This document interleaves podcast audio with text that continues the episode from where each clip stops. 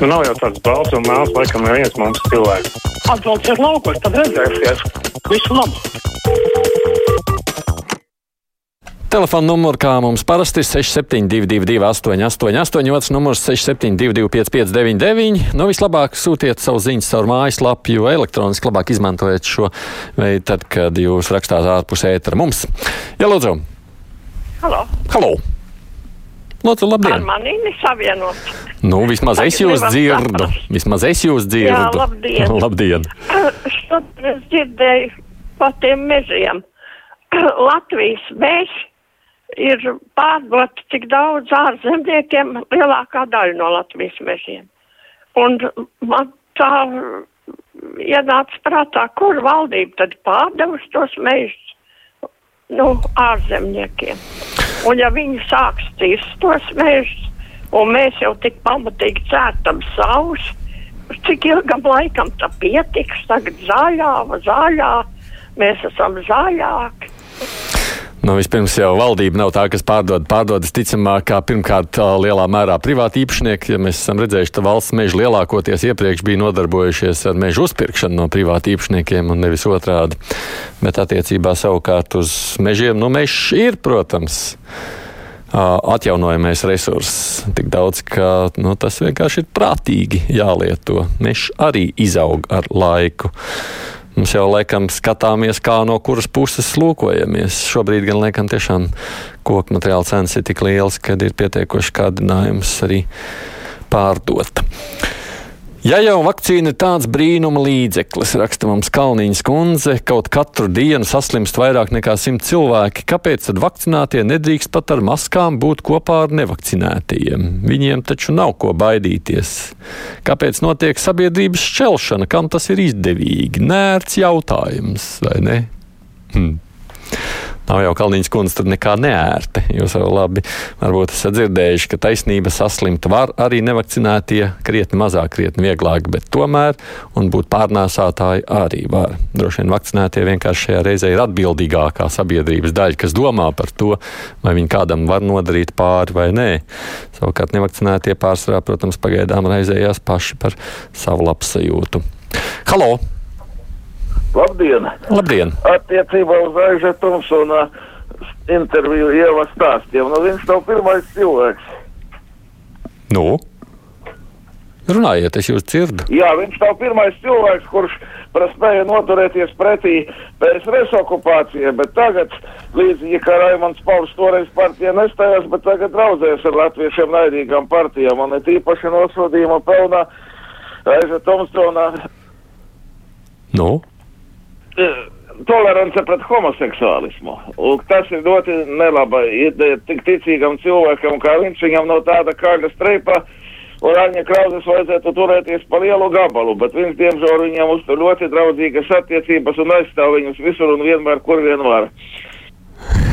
Jā, interesanti. Es pirmo reizi dzirdēju, ka jums tur kaut kur aizturējās kaut kādā brīdī jūsu sakāmais. Uh, nu?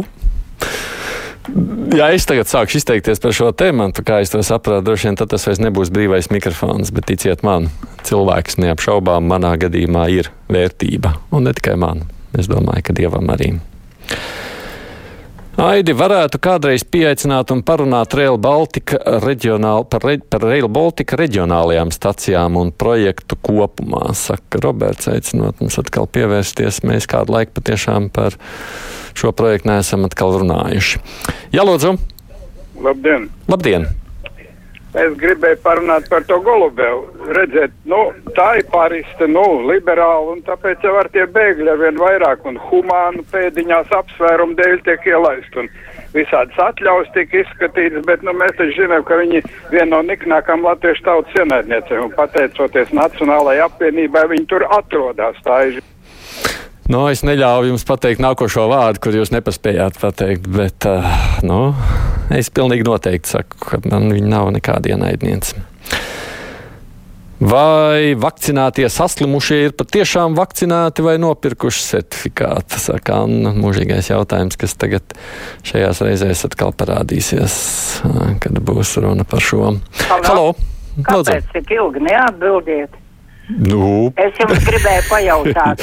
nesat vienīgā, kas zvanāt. Jā, lūdzu. Nu, es jau kuro reizi nekad nevaru sazvanīt. Redz, kā jums izdevās Es gribēju jums par iekšlietu ministru parunāt. Kāpēc mums Latvijā nav kārtīga žoga? Tāpēc, ka uz mūsu iekšlietu ministra ir ielikta no Lukašenka un Puķina. Viņa tik aicina visus bēgļus uz Latviju. Tas tā Viņa ne ir aicinājusi kādus bēgļus, ne viņa ir ielikt no Lukašenko un Putina. Es teikšu tā, it īpaši, ja jūs to rēķināt pēc kaut kādā brīdī uh, cilvēka nacionalitātes, tad jums noteikti nav taisnība. Aidi, cik tev tur, kas tev tur bija ar tiem telefonu krāpniekiem, kas zvanīja citiem no jūsu numura vai LNT sniedza komentārus, prasa Maira? Nē, diemžēl man joprojām zvana, un arī šodien zvana. Cilvēki atpakaļ saka, no jūsu numura tikko zvanījāt, jūs esat no Svetbanka. Es saku, nē. Bet LMT, nu, es esmu tikai Twitterī jautājis. Twitterī LMT nekādi nav reaģējis uz to, ko man darīt šajā situācijā. Es varētu pacelt jautājumu. No mana telefona numura jau kuro dienu zvana telefona krāpnieki un saka, ka viņi esot no Svetbanka. Ko man darīt? Nezinu. Varbūt tiešām kāds var palīdzēt man atbildēt. Halo! Uh, labdien! Labdien! Šeit uh, traucē Māra no. Zemgales. Jā, Māra, ļoti jauki. Es gribu uh, parunāt par māju renovāciju. Kāpēc Latvijas rādio nepaceļ šo te jautājumu? Jo mēs te daudzi vecie ļaudis, vientuļi cilvēki, slimi, invalīdi, mēs tulīt tiksim izlikti ārā uz ielas uz nakts paceršanēm. Kāpēc? Nu, tāpēc, kad uh, viens paraksts ir vairāk, un tagad būs tā renovēšana, un vecie cilvēki, kas nav spējīgi maksāt, tad tur būs tā, ka izmetīs vienkārši ārā. Kundze, man liekas, ja nu, mēs esam par kādu tēmu runājuši, tad tas pilnīgi noteikti par renovāciju. Un tas jautājums nav par to, ka jums būtu šādā veidā jāmaksā vairāk. Lai gan, protams, cik es zinu, man liekas, joprojām bija kompānijas, būtu interesanti uzzināt, kurš nodrošina to, ka, ka apdrošina par to, ka nebūtu jāmaksā vairāk. Bet iespējams, ka mums kādu laiku, pēc kāda laika varētu atgriezties pie šī temata. Bet jautājums par māju renovāciju neapšaubām ir aktuāls jautājums, piekrītu. Tagad Twitter izsmē cilvēks, ka stāv rindā pēc Jansena vakcīnas, jo viņi tikai gribot iet uz restorāniem un lielveikaliem. Raksta mums Zelmans kundze. Es ar Jansenu vakcinējos jau maijā, kad nebija datu, ka tā efektivitāte ir mazāka nekā citām vakcīnām. Ko tad darīt? Man drīz būs pusgads, es gribētu otro poti, lai nesaslimtu ar covid. Ne tāpēc, lai tiktu viel, lielveikalā, bet ģimenes ārste rausta plecus. Ko darīt? Nu, mēs jau redzējām, šobrīd to tā pēdējā ziņa laikam ir tā, ja ir pār 65 gadiem, tad tā iespēja vakcinēties būs ar trešo, ja revakcinēties ar trešo poti. Pāriem šobrīd jūs neko nevarat darīt, jūs varat gaidīt. Efektivitāte ir mazāka, bet no to, ka viņi tomēr kaut kādu aizsardzību sniedz, to jau mēs redzam citādi. Būtu cita reakcija. Halo! Labdien! Labdien! Mums ir plāns, kā panākt simtprocentīgu vakcināciju. No. Vai valdība un imunologi dod tādas garantijas, ka ja visi simtprocentīgi tiks vakcinēti, tad visi ierobežojumi pilnīgi tiks atcelti un nekādas attālinātās mācības un attālinātais darbs nenotiks, bet tā jau laikam nebūs, vai ne? Tā nekad nebūs, jo simtprocentīgi neviens nevakcinēsies. Mēs jau redzam, jūs esat, protams, ļoti labticīgs. Es priecājos par to. Mēs redzam līdzīgu ainu, kāda šobrīd ir bijusi dažās Skandināvijas valstīs, Dānijā, Norvēģijā, kur patiešām visiem atceļ, jo tur nu, ļoti liels vakcinēto skaits ir. Un līdz ar to beig beigās ieguvēji ir visi, gan vakcinētie, gan arī tie, kuri nevakcinējas. Bet, nu, diemžēl. Dieva priekšā visi ir vienādi. Dievs mīl visus, raksta Jana. Tie ir populisti, kuri ir tā saucamie seksa minoritāšu nīdēji un falšie ģimenes vērtību aizstāvi. Iestājas par ģimenes vērtībām, bet aicina nevakcinēties. Tā tad viņiem nemaz nerūp nevienas ģimenes veselība. Šādi secinājusi mūsu klausītāja Jana. Halo! Halo! Es saprotu, ka cilvēks vairs nesagaidīja, kurā brīdī varētu runāt. Jā, lūdzu!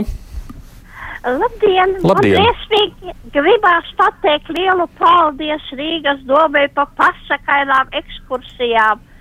kuras tika rīkotas absolūti pa brīvu un pa brīvu pusdienas. Tas bija uz Kanda un uz Siguldu un vēl kaut kur citur. Un ne tikai viena ekskursija, viena zelta rudeņa ekskursijas pa brīvu rīkoja Rīgas dove. Paldies par tām! Labi, es priecājos par to jūsu briesmīgo vēlmi, ka jūs gribat pateikt paldies.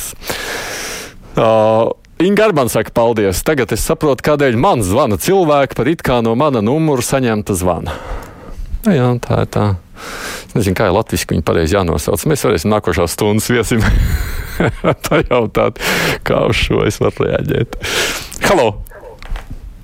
Lūdzu! Labdien! Labdien! Gunārs no Rīgas. Jā, Gunārs. Mani interesē sekošais jautājums. Kā tas ir augstas raudzes prezidents? Es domāju, Juris. Jaunais augstākās tiesas vadītājs. Samērā jauns ģenerāla prokurors un knaps. Un mums tajā pašā laikā lietas un normāls, kas iegulda lielu popularitāti. Magona lieta kā saka, tas broka. Pēc pusotra gada tikai izskatīšana. Cik Jā, nu, tā ātrā atbilde, protams, mums jau tiesa vara ir neatkarīga vara, un tā tam arī ir jābūt. Bet nu, par garajām lietām droši vien tā būtu atsevišķa saruna. Laiks šodien brīvajam mikrofonam ir beidzies. Priekšā ir ziņas, tad mēs sarunāsimies ar uzņēmēju Normundu Bergu.